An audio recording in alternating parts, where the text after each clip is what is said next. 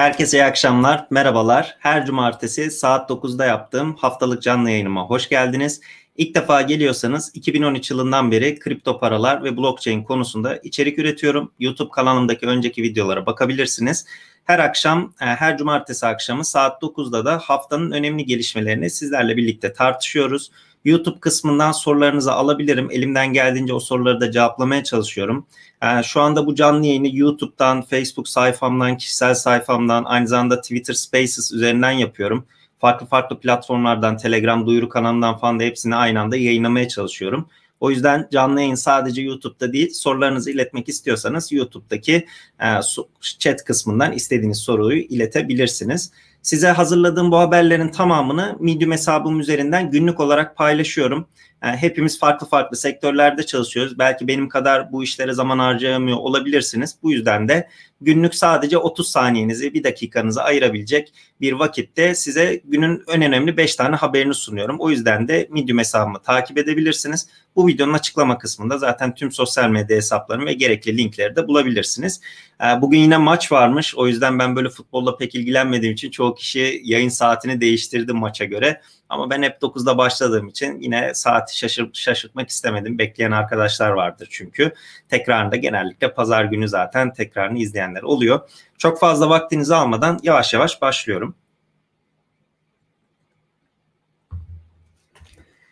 Şimdi ayın ikisinden başlıyorum. Geçen hafta burada kalmışız. Sermaye Piyasası Kurulu SPK kripto para borsalarında yaşanan sorunlardan dolayı Türkiye Büyük Millet Meclisi'ne gönderdiği yazıda yetki alanımıza girmiyor şeklinde bir açıklama yaptı. Ya şimdi bu açıklamayı ben direkt okuyayım yanlış bir şey söylememek için. Bildiğiniz gibi kripto para konusunda çok fazla şikayetler oldu. İnsanlar e, mağduriyet yaşadıkça devamlı doğal olarak TBMM'ye dilekçeler gönderildi. Bunlar da SPK'ya iletilmiş. Fakat SPP, SPK'nın da resmi olarak e, bu dilekçelere verdiği cevapta şu şekilde bir ifade geçiyor. Sermaye piyasası aracı tanımına dahil olmayan kripto varlıklar ve bu varlıkların el değiştirdiği platform kurulumuzun yetki alanına girmemektedir. Bu kapsamda herhangi bir resmi kuruluş tarafından ihraç edilmeyen ve karşılığı için güvence verilmeyen kripto varlıklar kurulumuz görev alanını ilgilendiren mevzuatta yer verilmiş bir sermaye piyasası aracı olmadığından ve bu varlıkların el değiştirdiği şirketler kurulumuzun yetki alanına girmediğinden mevcut düzenlemelere göre bahsi geçen şirketler ve bunların müşterileriyle imzaladıkları sözleşmeler hususunda kurulumuzca bir inceleme yapılması imkanı bulunmamaktadır şeklinde de bir açıklama gelmiş. Bu da önemliydi. Ayın ikisindeki manşette bunu vermişim. Bunu da direkt böyle resmi yazısı üzerinden sizinle paylaşmak istedim. Bir sonraki haberim Spartan protokolü eklenmişti. Merkeziyetsiz finans bu Binance Smart Chain üzerindeydi sanırım. 30 milyon dolarlık bir hack olayı olmuştu. Onu vermişim. Onun dışında şuradan bir saniye yandaki ekranlarımı da ayarlayayım. Notlarımı şuraya koyayım. FTX'te listelenen bir proje vardı. Media Network. Buradaki FTX'teki, Binance'deki bu Launchpad, Launchpool, listelenme, deliste edilme haberlerini bunlar sosyal medya hesaplarından paylaşıldığında ben de sizlerle paylaşmaya çalışıyorum. Genelde böyle bir bir hafta önceden paylaşmaya çalışıyorum. Tabii ki bu anlattıklarım kesinlikle yatırım tavsiyesi değildir. Ben sadece sizlere burada haberleri aktarmaya çalışıyorum. Bunlara yatırım yapıp yapmamak tamamen sizin kararınız ama en azından haberiniz olması açısından ben sizlerle paylaşıyorum diyebilirim. FTX'te de bu şekilde bir listelenme gelmiş. Onun dışında Çin Devlet Başkanı'nın yaptığı bir açıklama var. Kalkınma planına yeşil enerji ve düşük karbonlu teknolojilerin eklenmesiyle birlikte çok yüksek enerji tüketen faaliyetlerin faaliyetlerin yasaklanacağını açıkladı.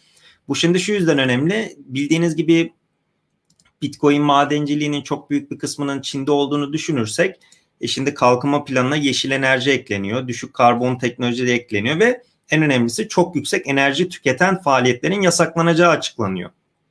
Bu e, Bitcoin madencilerini nasıl etkileyecek? Madencilik kısmında çünkü çok ciddi bir enerji var burada harcanan. E, bunun nasıl etkilenecek? Bu haber çıktığında piyasa bunu çok böyle umursamadı gibi gözüktü. E, fiyata çok ufak bir etkisi oldu. Ben baktım haber sitelerine düştüğü anda. Fakat önümüzdeki dönemde bu bir plan açıkçası hani bunu söylediler, açıklama yaptılar. Eğer bir yaptırım uygularlarsa onun piyasalara nasıl etki ettiğini hep birlikte izleriz ama şu anda e, en azından ben bu haberi yazdığım sırada ve bu hafta içerisinde çok böyle fiyatlanan bir haber olmadı diyebilirim. Ayın ikisindeki haberlerim bu şekildeymiş. Herkes bana şeyi soruyor. Chia Coin diye okunuyor sanırım. Bu e, şimdi teknoloji editörlerinin yayınlarını da ben hepsini çok yakından takip ediyorum.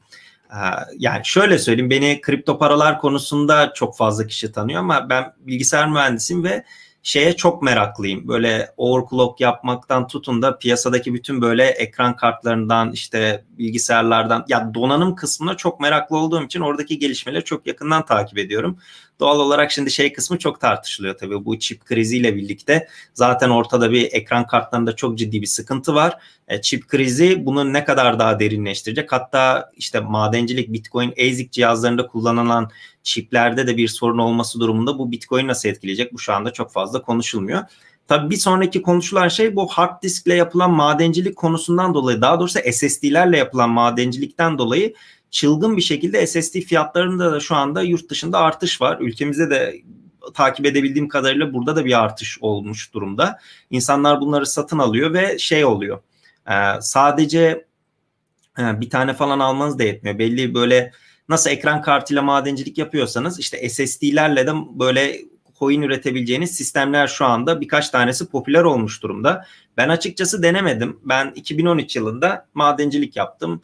2014 sonunda falan bıraktım. Ben açıkçası ondan sonra hani bir cihaz satın alarak, bir cihaza yatırım yaparak bir madencilik faaliyetinde bulunmadım. Bu konuda deneyimim yok. O yüzden insanları yanlış yönlendirmek istemem. Ama görebildiğimiz gibi sadece ekran kartlarında değil bir de şöyle bir durum var. Şimdi madencilik ekipmanı hep ekran kartı olarak geçiyor ama geçtiğimiz haftalarda size şeyi göstermiştim.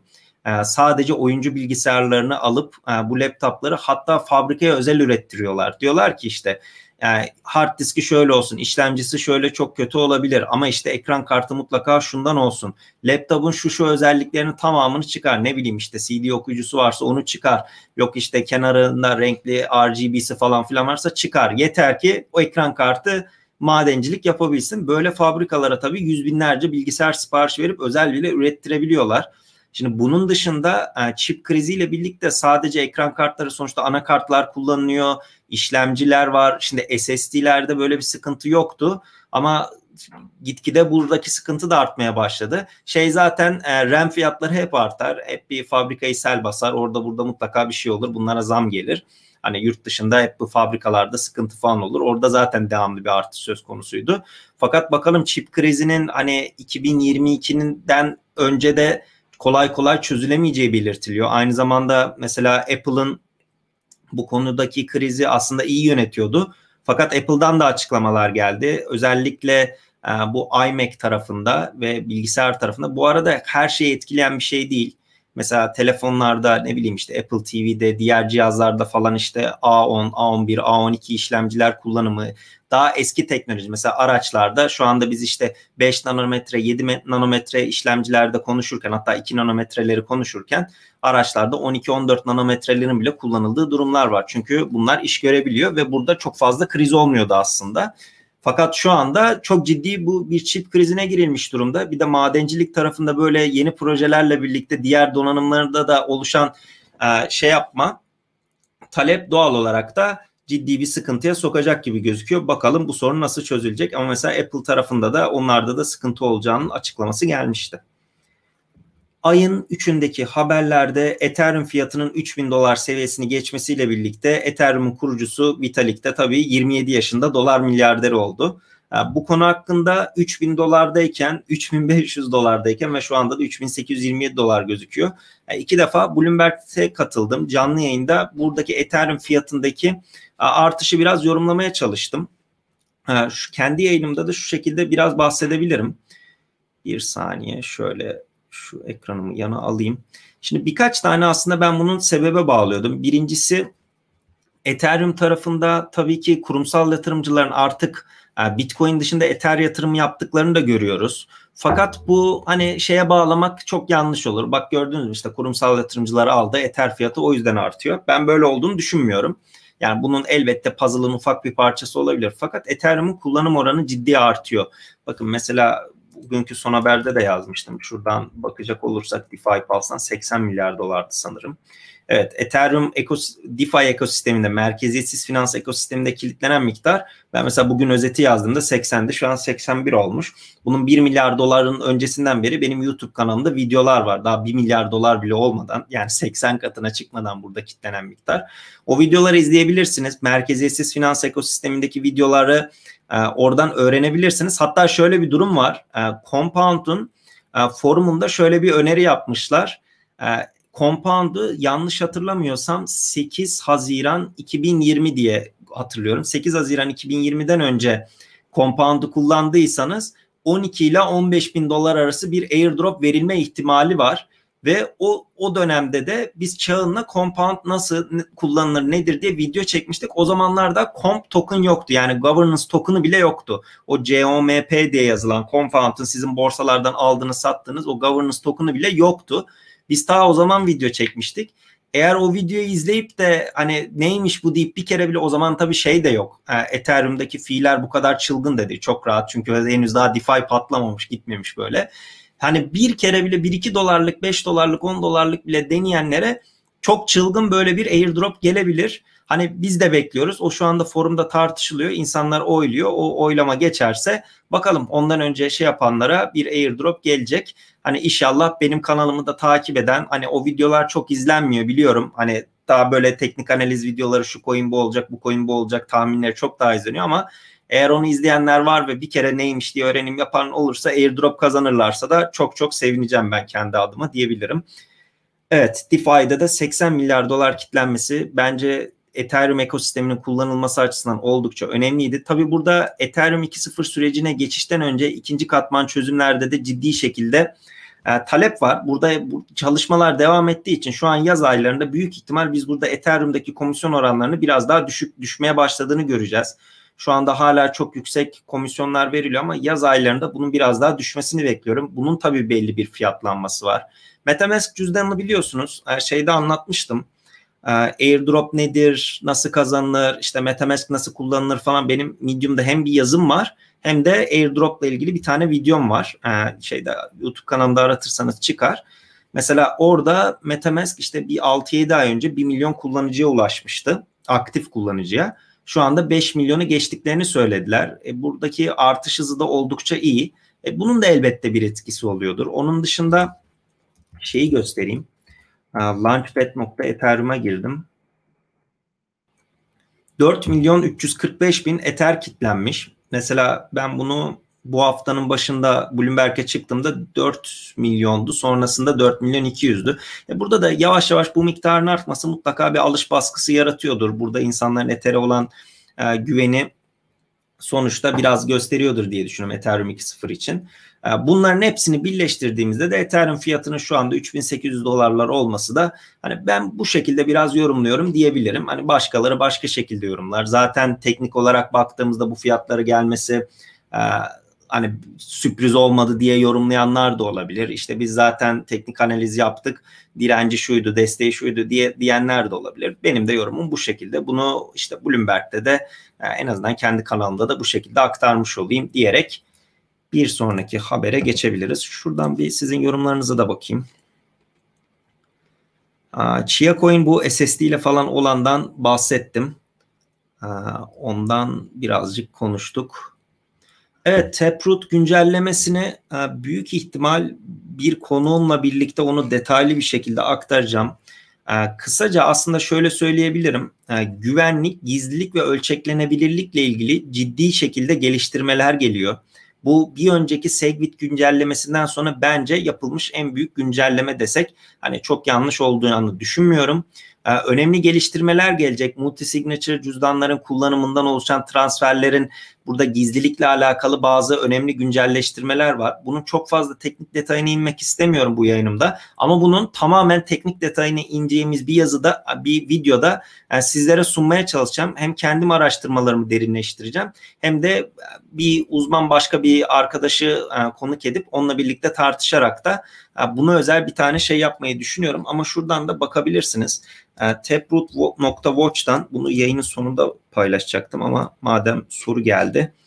e, şuradan paylaşabilirim. Hatta şöyle ekranıma da yansıtabilirim. En azından e, kendiniz de şuradan şu anki güncel duruma bakabilirsiniz. Taproot'un aktivasyonu ile ilgili e, şu anda bu şekilde bir site hazırlanmış durumda. Madencilerin şu anda onayına sunulmuş. Buradan da siz de takip edebilirsiniz. Dediğim gibi bu yayınımda çok fazla teknik detaya girip sadece haber özetlerini almak isteyen arkadaşları boğmak istemiyorum. Bununla ilgili özel başka bir tane video çekeceğim ve çok kısa iç, süre içerisinde çekmem lazım tabii.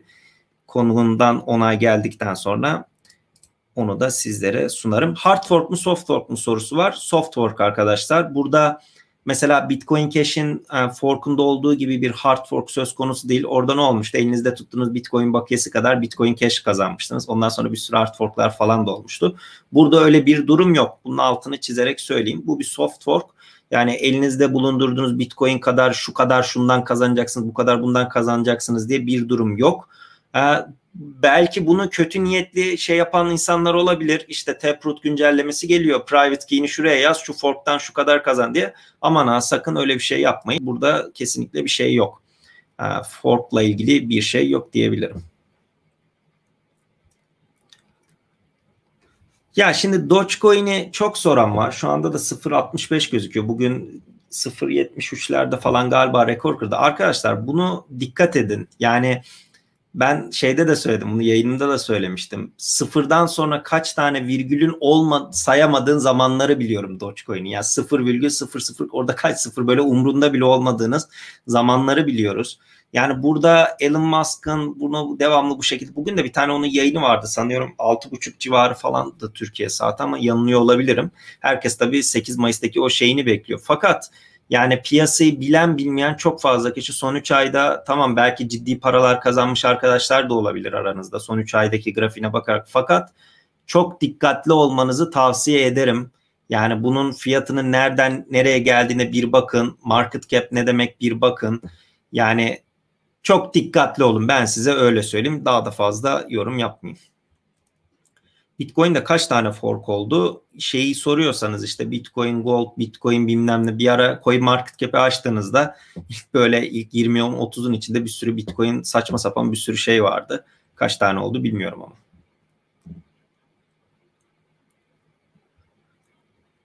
Hmm.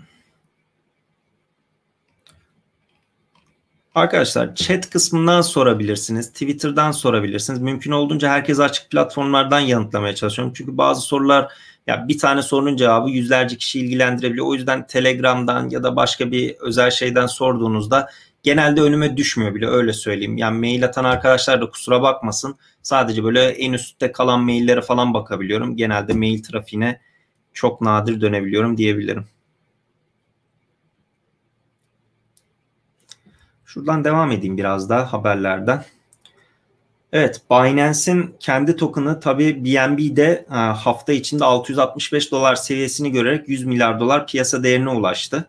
100 milyar doları da düşündüğünüzde zaten şöyle bir CoinGecko'ya, CoinMarketCap'e girdiğinizde işte Bitcoin, Ethereum, BNB olmuş oldu. Şu anda BNB 99 gözüküyor. Dogecoin'de 83 civarı gözüküyor. İlk 100 milyar dolar üstü 3 taneye girmiş durumda. Tabi bunun belli birkaç tane sebepleri var. Yine bunu saymakta e, şey yapamıyorum. E, çok sürpriz olmamıştır diyebilirim. Çünkü Binance'in bir e, NFT şeyi var. Haziranda NFT ile ilgili Haziran'da sanıyorum yanlış hatırlamıyorsam NFT'lerin alım satımı ile ilgili bir platformun duyurusunu yapmıştı. E, BNB'ye burada mutlaka bir kullanım alanı yaratacaktır. Onun bir fiyatlanması mevcut. E, Binance Smart Chain tarafındaki CZ devamlı oradaki transaction sayısını, transfer sayısını, kullanım oranını falan paylaşıyor. İşte Ethereum'la falan kendini karşılaştırıyor. E tabi oradaki kullanım alanı Binance Smart Chain'deki native token olarak da BNB kullanıldığı için de doğal olarak da BNB'ye ciddi bir şekilde talep oluyor.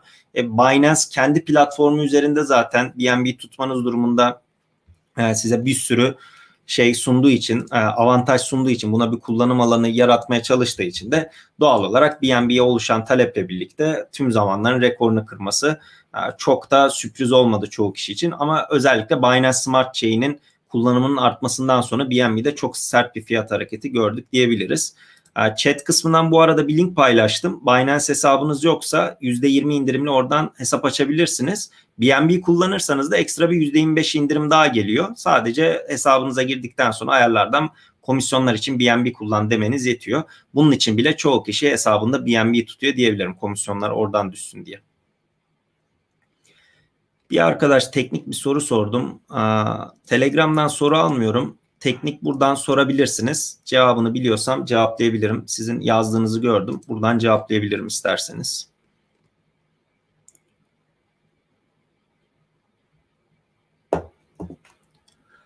SSD ve hard disk mining arkadaşlar bunlar daha önceden de vardı. Şeye düşmeyin. Bakın bir deneyimim olmadığı için kendim ben cihazlarımı kurmadan, deneyimlemeden bir şeyi ezbere anlatmam. Çünkü insanları yanlış yönlendirebilirim. Fakat şey konusu da var. Ee, bundan daha önce 2016-2017 işte bilgisayarını açık tut şu kadar para kazan. Orada hard diskle falan hiçbir alakası yoktu. Elinizde bulunan hard diskin belli bir miktarını veriyordunuz ama aslında alakası yok onunla. Tamamen başka bir sisteme çevirmişlerdi. Hani buralarda bu son çıkan böyle olaylarda falan ne kadar orada hard diskin önemi var onu tam bilmiyorum. O yüzden de kendim deneyimlemediğim şeyde sizi yanlış yönlendirmek istemem.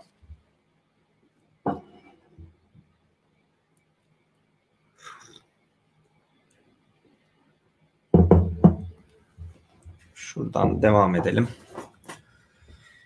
Evet bir sonraki haber CME gruptanmış. Daha fazla yatırımcıya ulaşabilmek için mikro vadeli sözleşmeleri Bitcoin için devreye almış CME grupta. Buradaki işlemler yanlış hatırlamıyorsam hacim olarak üçüncü falandı. E, hatta Ethereum'daki işte işlemler başlayınca Ethereum fiyatı ne olacak işte pozitif mi negatif mi ayrılacak bir ara bayağı tartışılıyordu. Yanlış hatırlamıyorsam Şubat ayıydı. Bayağı böyle onun şeyi alınmıştı beklentisi satın alınıp işte ne olacak ne bitecek diye konuşuluyordu. E, çok daha fazla yatırımcıya ulaşabilmek için de tabii burada çok daha küçük ölçekli mikro vadeli sözleşmeleri de devreye almışlar. Digital Currency Group, e, Grayscale'ın Bitcoin fonuna 750 milyon dolar değerinde yatırım yapacağını açıkladı bu hafta. E, buna Fidelitas çok güzel şeyde e, Twitter'da bir yorum yapmıştı. Şeyi mi kurtarmaya çalışıyorsunuz? BlockFi mı diye. Stratrade'le bir tane çünkü yayınları vardı. Orada şey şeyden bahsediyorlardı. BlockFi'nin %6, 6,5'a varan Bitcoin faizi vermesi e, tamamen aslında buradaki grayscale üzerindeki e, premiumdan kaynaklanması sayesinde verebiliyor. Şimdi buradaki premium çok daha düşük seviyeye geldiği için e, BlockFi'nin iş modeli mi tehlikeye gel, girdi? Digital Currency Group da bu yaptığı 750 milyon dolar yatırımla işte Fidelitas'ta onu mu kurtarmaya çalışıyoruz şeklinde bir yorum yapmıştı. Benim de hoşuma gitmişti. Şimdi paylaşmak istedim. E, bu premium olayları falan bilmiyorsanız da e, Grayscale'ı şey yapabilirsiniz, araştırabilirsiniz Stratrate'le olan şey de gayet güzeldi. YouTube'a yazarsanız o da çıkar. Onlara da referans vermiş olayım. Demişim ve günlük bültenimde Bloomberg'deki yayınımı koymuşum. Ayın 3'ünü de bu şekilde bitirmişim. 4'e gelelim.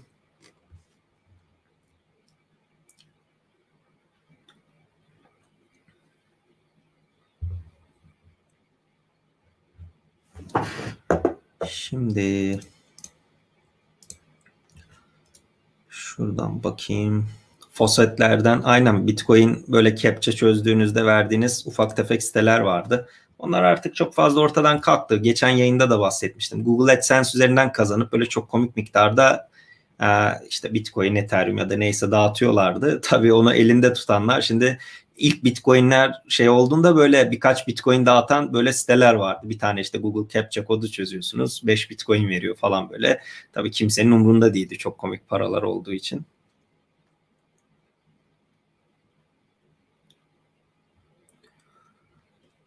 Ha, OKEX'te mining özelliği nasıl kullanılıyor? Bana karışık geldi. Ha, bilmiyorum açıkçası. OKEX'te OKEX kullanmadığım için bilmiyorum ama borsaları mesela Binance tarafında falan kendi pool'ları var. Fakat burada bayağı madencilik yapıyor olmanız lazım. O pool'a bağlanıyor olmanız lazım. Staking'i sormuşsunuz. Staking aslında oldukça basit. Bütün borsalarda staking diye bir kısım var. Oradan sizin borsa flexible var. Bir anlık bozabiliyorsunuz. Bu bütün borsalarda aynıdır diye ortak olduğunu düşündüğüm için anlatıyorum. Flexible da günlük vadeli gibi düşünebilirsiniz. Hani bankalarda da istediğiniz zaman yatırıp çıkabileceğiniz. Bir de lock staking var. İşte 7 gün, 14 gün, 90 gün, 30 gün kitlediğinizde biraz daha yüksek oranlar veriyor. Tabii proof of stake'li projelerde elinizde tuttuğunuz miktarda da oradan da bir kazanç söylüyor ama bunu borsalar açık açık söylüyor. Yani herhangi bir merkezi borsa üzerinde şimdi şöyle söyleyeyim hani genel anlatayım diğer arkadaşların da belki sorusu olur. Şimdi Ethereum 2.0 sürecinde staking'i siz direkt akıllı kontrat üzerinden yapabiliyorsunuz. Aslında herhangi bir merkezi borsaya bağlı kalmanız gerekmiyor. Fakat burada şöyle bir durum var. 32 Ether'iniz olması gerekiyor. Şimdi de Ether olmuş neredeyse 4000 dolar. 32 Ether ciddi bir para ediyor. Bu yüzden de merkezi borsalar elinizde bir tane bile Ether varsa hatta 0.1 falan bile varsa o oranda size staking geliri veriyor. Şimdi bu okey ama diğerleri de bunu burada yapmak zorunda değilsiniz. Hani bir merkezi bir platforma güvenmek zorunda değilsiniz. Yani çoğu kişi hani ufak miktarlarda yapmak istediği için de bu şekilde şey yapabiliyor. Merkezi bir borsada staking yapmak hani XRP için sormuşsunuz. Bunda çok açıkçası şey yapamadım. Ha, sorunuzu anlamadım diyebilirim. Ha, teknik olarak orada kullanmadım bir borsa çünkü. Yayını beğeniyorsanız evet beğenebilirsiniz. Abone olabilirsiniz. Çok teşekkür ederim. BNB üçgeni kırdı. Düşünceniz nedir? Arkadaşlar ben üçgen, beşgen öyle çok takılmıyorum. Açıkçası diyebilirim. Hani öyle kısa bir yorum yapayım. Avalanche'ın projeleri hakkında iTunes'ta çok yayın yaptık. Benim kanalda da var. Ee, Avalanche'ın Türkiye Telegram grubunu da ben takip ediyorum. Oradaki gelişmeleri de takip ediyorum. Kullanıyorum da açıkçası. Ee, oradaki projeleri de kullanıyorum. Ya ben şöyle söyleyeyim. Ethereum'u da kullanıyorum. Binance Smart Chain'dekileri de kullanıyorum. Avalanche tarafını da kullanıyorum. Hani spesifik bir sorunuz varsa konuşabiliriz.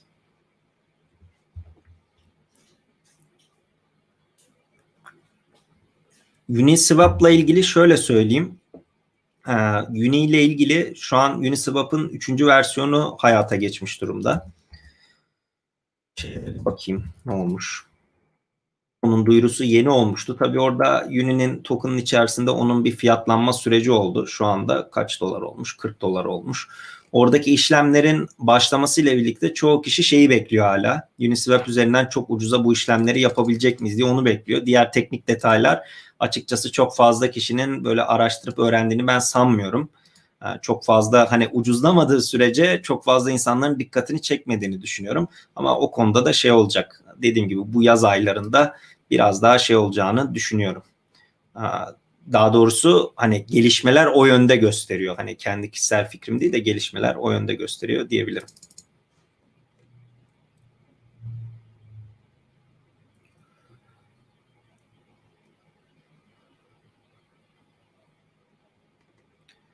Şöyle devam edeyim.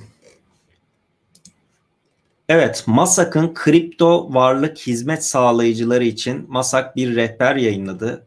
Onu da şeyde vermişim. Bir saniye size de yansıtayım. Bu hafta bayağı bu konuşuldu. Fakat burada da ha, şunu mu yanlış şey mi yansıtıyorum? Bir saniye. Evet, burada bu şekilde bir rehber ekranı şöyle büyütmem mi gerekiyor? Tam göremiyorsunuz sanırım ama şimdi arkadaşlar bunu yorumlamak açıkçası benim uzmanlık alanım değil. Ben hukukçu değilim. Bunu doğru bir şekilde yorumlayabilmek ya yanlış yorumlar yapabilirim. O yüzden de açıkçası çok fazla bunun üzerine konuşmaya çekinliyorum. Çok fazla sosyal medyanın gündeminde olduğu bazı maddeler insanların kafasını karıştırdığını düşünüyorum. Şurada bir tane vardı mesela Mesela şurada bir madde vardı en çok bu konuşuldu. Siz göremiyorsunuz farkındayım ama şöyle birazcık büyütürsem belki görebilirsiniz. Şu madde çok konuşulmuştu. Müşterilerin işi, mesleği yani müşterilerin işi ve mesleği mali durumu ile ilgili ile işlemleri arasında makul bir orantı bulunmaması. Burada makul kelimesi çok tartışıldı sosyal medyada. Hani ben biraz bunu görmüş oldum. Bu hafta içerisinde büyük ihtimal zaten hukukçu arkadaşlarımız bu konular hakkında detaylı YouTube yayınları yapacaktır. Ben de onları takip ediyorum açıkçası Twitter'dan. Çünkü hani ben mühendisim. Ben hukukla ilgili bu şekilde doğru bir yorum yapmayıp yanlış bir yorum yapıp insanları yanlış yönlendirebilirim diye bu konu hakkında çok fazla yapmadım ama haftanın en önemli haberi buydu. Yani borsaları, yatırımcıları ilgilendiren haber buydu. Önümüzdeki haftalarda da değil hatta yani bir 17 gün 10 gün içerisinde bu konular hakkında zaten bazı şeylerin çok daha netleşeceğini düşünüyorum. En azından çok daha fazla bu konular hakkında yani içerikler paylaşılacaktır. Nedir ne değildir. Ben de açıkçası yani diğer hukukçu arkadaşlarımdan öğreneceğim diyebilirim ama yayında da en azından bundan bahsetmek istedim. Çünkü ayın dördünde paylaşmışım. En önemli haber buydu. Evet. BTC Türk Pro evet AVAX'ı listeledi. Ee, şey listelemesi gerekiyordu zaten AVAX'ı. Hani belki de geç kaldılar ama ayın 10'unda galiba başlıyordu. Ben de görmüştüm Twitter'da. Şimdi The Block bir haber yaptı. PayPal kendi stabil kripto parasını çıkarmıyor planlıyor diye. Bu da önemli. PayPal'in yanlış hatırlamıyorsam neydi? Bitcoin vardı, Litecoin, Bitcoin Cash, Ethereum'la işlemler falan vardı. Orada hani Bitcoin Cash ile Litecoin'i niye ekledi? İşte Coin Market üst sıralarda olduğu için ekledi diye tahmin ediyorum Litecoin'i falan. E şimdi burada kendi stabil kripto parası doğal olarak buradaki ödeme işlemlerinde PayPal'ın e, işine gelecektir. Çok yanlış bir hamle olduğunu düşünmüyorum. Hatta belki hani ilk yapmaları gerekiyordu. Ama şeyi düşündüğümüzde Facebook'un Libra işte yeni adı DM projesini düşündüğümüzde aslında bizim bunları çoktan şu anda artık böyle çıkacak mı çıkmayacak mı diye konuşmayıp kullanıyor olmamız lazımdı. Burada biraz Amerika onun önünü keserek şu anda çünkü e, Çin tarafında falan merkez bankalarının dijital paraları çok ciddi test ediliyor. CBDC diye geçiyor bunlar. E, ciddi ciddi artık hani Çin'de testleri çok daha fazla kişiyle yapılmaya başladı. İlk başta 15 bin 20 bin kişiydi. Şu anda yüz binlerce kişiyle yapılıyor.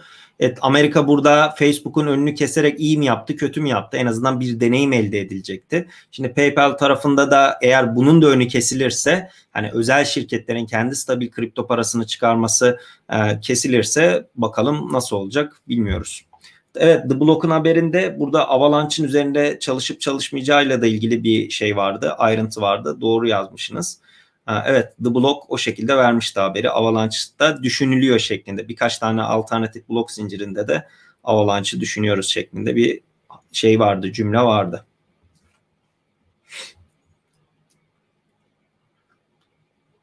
Dogecoin'i paylaşmışım. 0.60'mış. Ethereum 3500 olmuş. Onu paylaşmışım. eBay tarafında bir açıklama varmış. Bitcoin ve diğer kripto paraları ödeme yöntemi olarak kabul etmeyi araştırıyor. Şimdi ya bu çok büyük bir haber. Fakat hiç kimsenin umrunda olmadı. Çünkü mesela PayPal haberi de öyleydi. Benim Twitter'da bir tane tweetim var. 2013 ya da 2014 yılında bir tane blogda bir yazı çıkmış işte. PayPal Bitcoin'e ekleyecek. Şimdi kaç sene sonra ekledi? 8 sene sonra ekledi. Fakat 8 sene bunun böyle 3 ayda 4 ayda bir muhabbeti döndü. eBay kısmı da böyle arkadaşlar devamlı bir muhabbeti dönüyor. Hatta yanlış hatırlamıyorsam gitti gidiyor da eBay almıştı çok büyük bir kısmını. İşte eBay eklerse gitti gidiyor adamı gelecek falan diye. Bunun devamlı bir muhabbeti dönüyordu. Şimdi de yine işte diğer kripto paralarla birlikte Bitcoin'de eklemeyi düşünüyor, araştırıyor şeklinde bir haber geldi. Hani bu ne zaman biz böyle Amazon'da, eBay'de gerçekten ödeme yöntemi olarak görürüz. Bence artık o kadar haber değeri, o zaman haber değeri taşıyor. Çünkü şöyle durumlar da var. İşte Amazon gitmiş böyle işte Bitcoin'le, kripto parayla, Ethereum'la falan işte onunla ilgili domainleri satın almış. İşte ileride kabul edecek. eBay'de yine benzer şekilde haberler geliyordu. Mesela bu haber akışı da ilk başta böyle bir çıktığı anda çok kişi retweet etti falan ama çok da böyle insanların umrunda olmadı. Çünkü ortada somut bir şey olmadığı sürece insanlar pek artık e, bu haberi umursamadı diyebilirim. Ayın dördündeki haberlerim de bu şekildeymiş.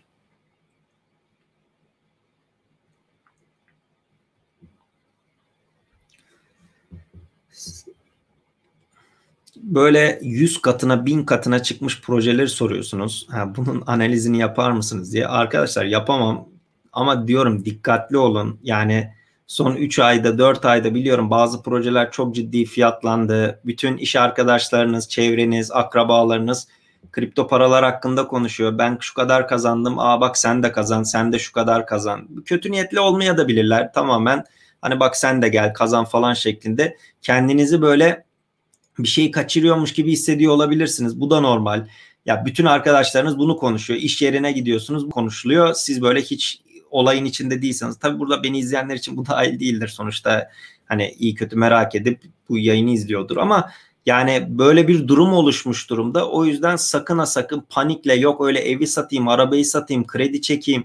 Bak benim işte kayınço şu kadar kazanmış, şu böyle 10 katına çıkarmış. İşte arkasında şöyle büyük bir şirket varmış. Siteye girince böyle siteyi scroll edince aşağı güzel güzel böyle projeleri gösteriyor. İşte blok zincirinin üzerinde yapıldığı için %100 güvenliymiş.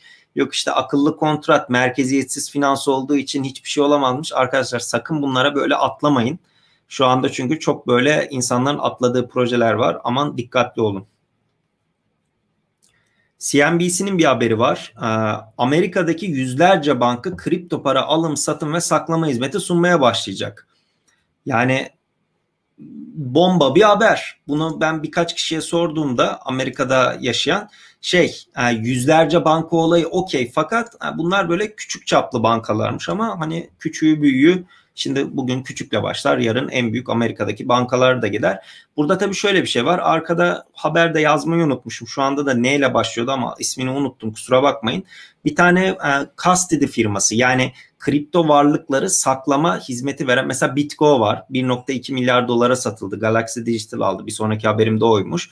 Mesela bazı borsalar direkt Bitcoin'i cüzdan hizmeti olarak kullanır. Yani der ki ben tamam borsamı kurdum ama bu cüzdanı işte depoziti, withdraw'u, para, kripto para yatırma, çekme işlemlerini sana emanet ediyorum der. Mesela Bitco'da bunun gibi bir hizmet veren firmaydı ve en, en meşhurlarından biriydi. 1.2 milyar dolara satıldı. Amerika'daki bankaların kripto para alım, satım ve saklama hizmeti de buna benzer arkada başka bir teknoloji şirketinin altyapısı üzerinden olacak. Fakat kullanıcılar nasıl şu anda kendimiz telefonumuzdaki bir herhangi bir bankanın uygulamasına girdiğimizde vadesiz TL'mizdeki parayla işte altın alıyoruz, dolar alıyoruz, işte ne hisse senedi falan ne alıyorsanız orada kripto paranın da eklenmesi CNBC'nin haberine göre mümkün olacak. Ama henüz başlamadı. Sunmaya başlayacak diye bir haber. Bu oldukça büyük bir haber. Şimdi şeye gelirseniz işte kripto paralarda kendi bankanız kendiniz olun. işte be your own bank Bitcoin'le kendi bankan ol. Tamam ben zaten o taraftayım. Fakat şöyle bir durum var. İnsanların hepsi böyle düşünmüyor. Çok büyük bir kısım da şeyi düşünüyor. Ben kripto paralara yatırım yapmak istiyorum ama bunu güvenli bir şekilde saklamak için banka bana böyle bir hizmet verirse koşa koşa giderim. Bankaya bunu yatırım şeklinde yorumlayan ve bunu bekleyen de çok çok büyük bir kısım var. Hani işin felsefesinden tamamen aslında uzak olarak e tabii doğal olarak da bu kişilere bu hizmet yakında Amerika'da sunulacağı benziyor.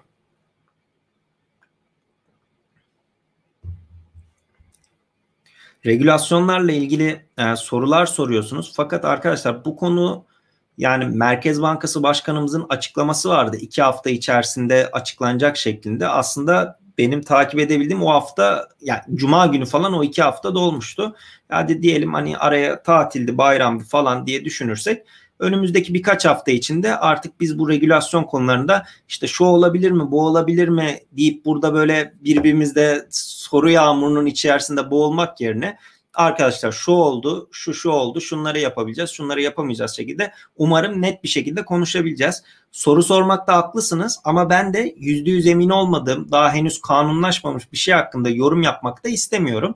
Çünkü kesin bir şey değil. Orada kişisel görüşlerimi yani e, paylaşmam da çok uygun olmayabilir. Hani soru sormanızda anlıyorum tamamen. Herkes şu anda şeyi merak ediyor. İşte Masak'ın o rehberinden sonra işte kripto para çekimleri ne olacak? Bankaya çekimler ne olacak? İşin vergilendirme kısmı ne olacak? Bunlarla ilgili çok soru var. Aynı sorular benim için de var. Hani ben de bir vatandaşım. Ben de bunları merak ediyorum. Umarım önümüzdeki haftalarda hani her şey kesinleşir. Hukukçu arkadaşlarımızı konuk ederim. Onlarla birlikte tartışırız. Böyle böyle bir şey oldu. Bu bizi nasıl etkileyecek, nasıl etkilemeyecek şeklinde. Hani öyle yayınlar umarım yaparız. Arabayı satıp 5 gün önce Dogecoin'e yatırdık. Arkadaşlar bunları yapmayın. Evinizi, arabanızı satıp yapmayın. Yani çok üzücü durumlar. Benim kanalımdaki kişiler zaten hani çok uzun süredir takip ediyordur beni. Bu konularda çok uyarıyorum ediyorum ama Yine de yani ne kadar uyarsak da maalesef böyle arkadaşlar oluyor. Bunda görünce üzülüyorum açıkçası. Evet şöyle devam edelim. Bu arada Twitter Spaces üzerinden de bayağı dinleyen arkadaş var. Ee, sorularınız varsa YouTube'dan iletebilirsiniz. YouTube'dan yazabilirsiniz bana. Ee, onun dışında canlı podcast olarak da dinleyebilirsiniz. Zaten görsel olarak pek bir şey sunmuyorum. Bir tane adam çıkıyor haberleri anlatıyor.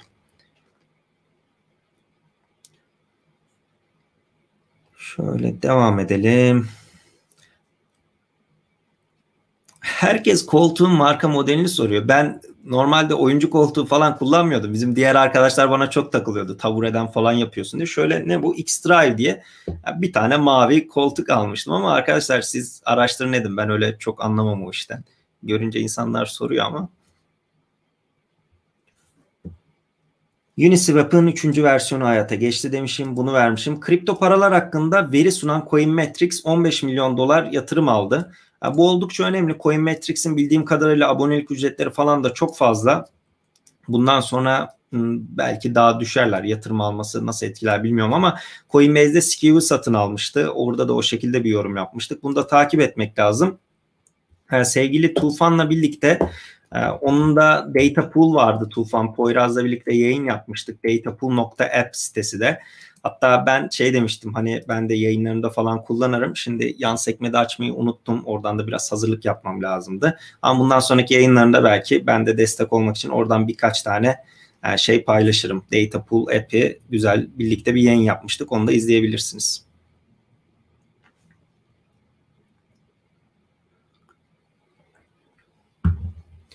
Abi yanlış yönlendirmemek için koltuğun modelini bile söylemiyorsun. Söyledim işte X-Drive şeyini hatırlamıyorum. Hani başında Google'a yazarsanız X-Drive diye çıkar zaten. Koltuğu yatırım tavsiyesi değildir dedirttirdiniz bana. Devam edelim. Ayın 5'indeki haberleri de bu şekilde bitirmişim. Ayın 6'sına gelelim. ING Bank bildiğiniz gibi geçtiğimiz sene miydi? iki sene önce miydi? Bir şey yapmıştı.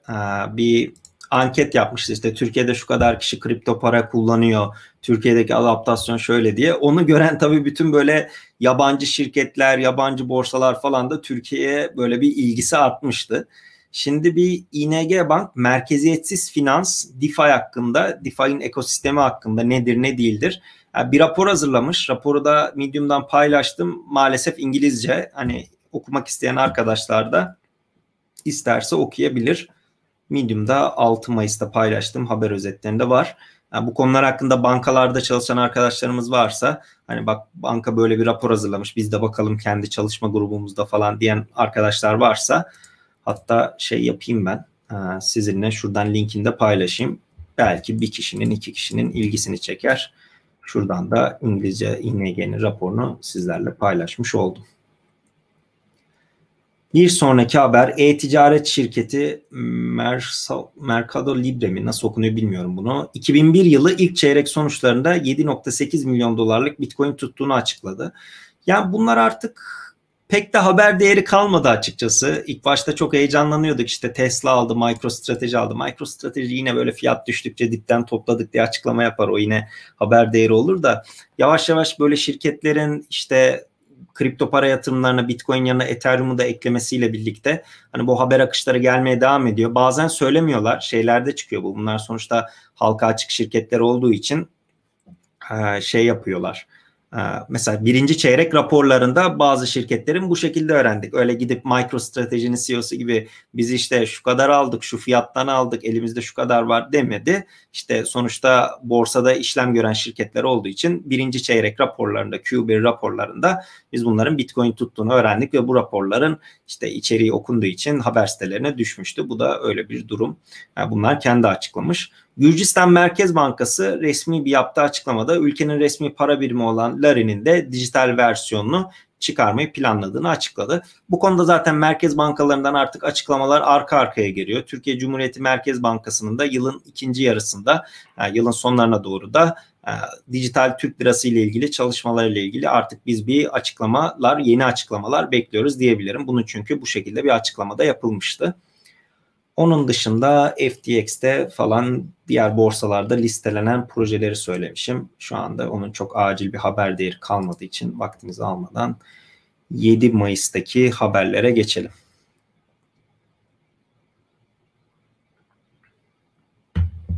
MicroStrateji evet ne varsa satıp Bitcoin aldı. Adamlar baya pivot şey yaptı yani iş modelini. Sonuçta bizi borsadan satın alanlar, hissemizi satın alanlar aynı zamanda işte Bitcoin sahibi bir şirketi de bit, rezerv olarak Bitcoin tutan bir şirketin hissesini satın alıyor. Bitcoin satın almakmış gibi gösterip baya böyle şirketin şeyini ona çevirdiler. MicroStrategy'nin hani ne yaptığını böyle detaylı şurada açıklayabilecek olan eski iş modeliyle tanımadık çünkü hiç radarımızda olmayan bir şey. Olması da gerekmeyen bir şeydi. Hiç hani kimsenin ilgisini çekmiyordu. En azından bizim ekosistemde. Tabii şu anda herkesin yani ilgisini çekiyor diyebiliriz.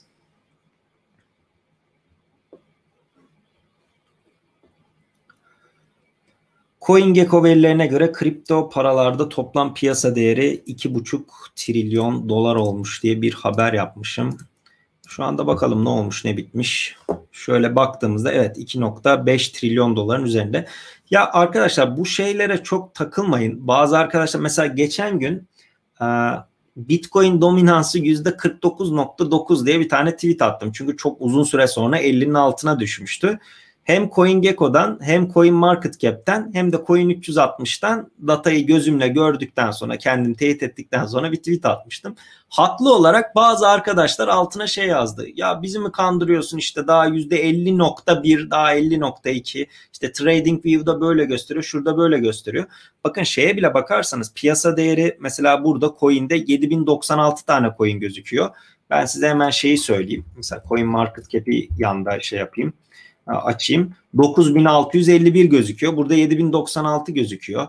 Burada Coin Market Cap'te 376 tane borsa gözüküyor. Burada 466 gözüküyor. İşte market cap'te 2.4 trilyon dolar gözüküyor. Burada 2. işte 55 2.5 trilyon dolar gözüküyor.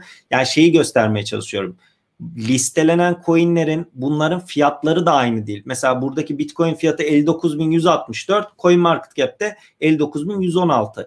Yani buradaki ufak farkları kafaya şey yapmayın. Ee, şurada olmadı, burada olmadı demeyin. Nasıl böyle her borsanın kendi fiyatı varsa, borsalarda fiyat arz talebe göre oluşup değişiyorsa, buradaki data sitelerinde belli kendi koşullarını sağlayan bazı projeleri listeleyip listelemiyor. Buna göre toplam piyasa hacmi falan değişiyor. Buna çok fazla takılmayın. Hemen o tweetin altına çok haklı olarak da bu arada tamamen hak veriyorum. Hatta çok hoşuma gidiyor böyle böyle hani üç tane yerden teyit ettiğim şeyi dördüncü yerden böyle bak sen bilmiyorsun demesi aslında orada hoşuma da gidiyor. İnsanlar e, araştırıyor direkt anında takip ediyor diye. Ama bunu da göstermeye çalıştım. Hatta benim böyle eski videolarım var işte.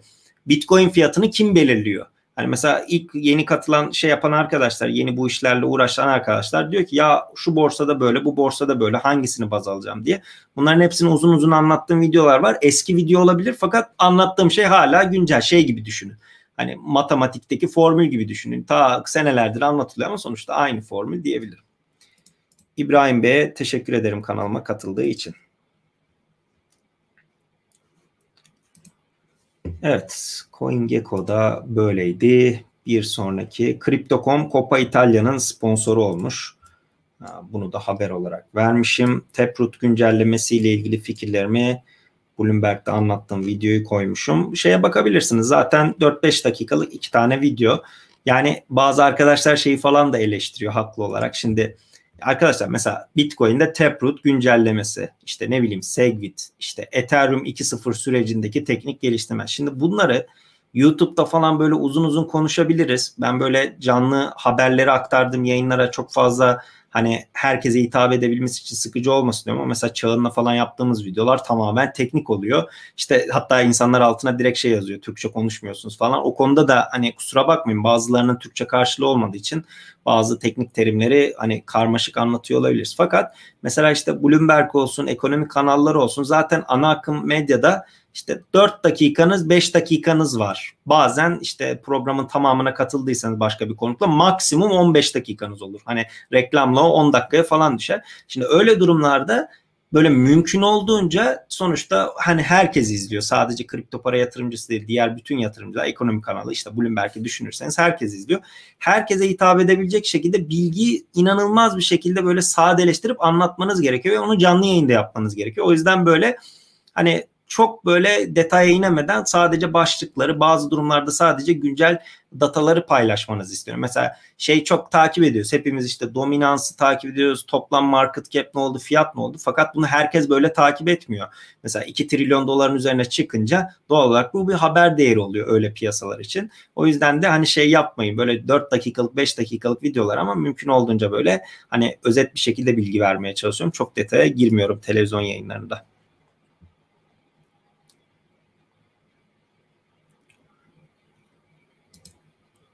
Hmm. Şöyle bir bakalım. Blockchain konusunda geliştirici olmak istiyorum. Hiç yazılım bilgim yok. En başta nereden başlayabilirim? Benim sevdiğim bir arkadaşım var Murat. Ee, kendisi yazılımcı. Ona da destek olmak amaçlı. Şimdi bir tane şey attı. Tweet attı. Bayağı da e, retweet aldı. Sıfırdan blockchain yazılımcı başlamak istiyorum şeklinde.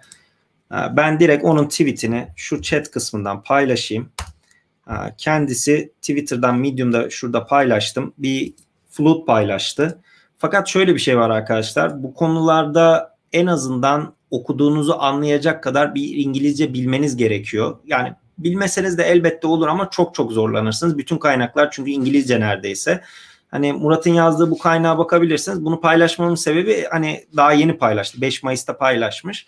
En azından buradan doğru kaynaklara ulaşıp siz de e, oradan takip edebilirsiniz. Ama dediğim gibi kaynaklar maalesef İngilizce. İngilizce biliyorsanız sıkıntı yok.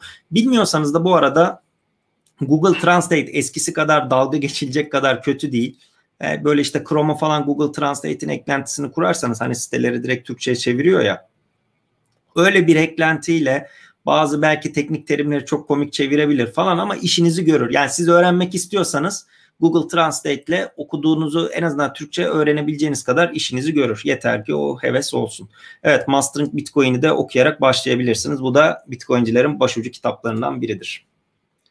Sevgili Muratcan yazmış.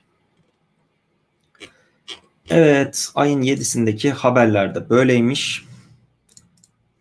8'i ve son haberlere geçelim. Ee, Vanek e, SEC'ye Ethereum ETF için başvuruda bulundu. Bu Bitcoin ETF'leri geçtiğimiz seneler çok konuşulmuştu. Şimdi de Ethereum ETF'lerini konuşacağız gibi görünüyor.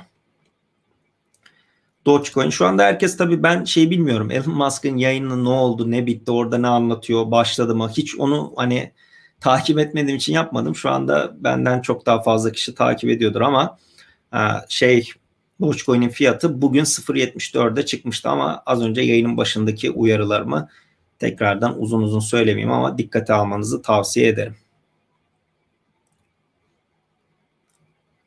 DeFi kısmını konuştuk. Taproot kısmını konuştuk. Taproot.watch'u paylaşmıştım sizle. Şurada yayının başında. Buradan takip edebilirsiniz.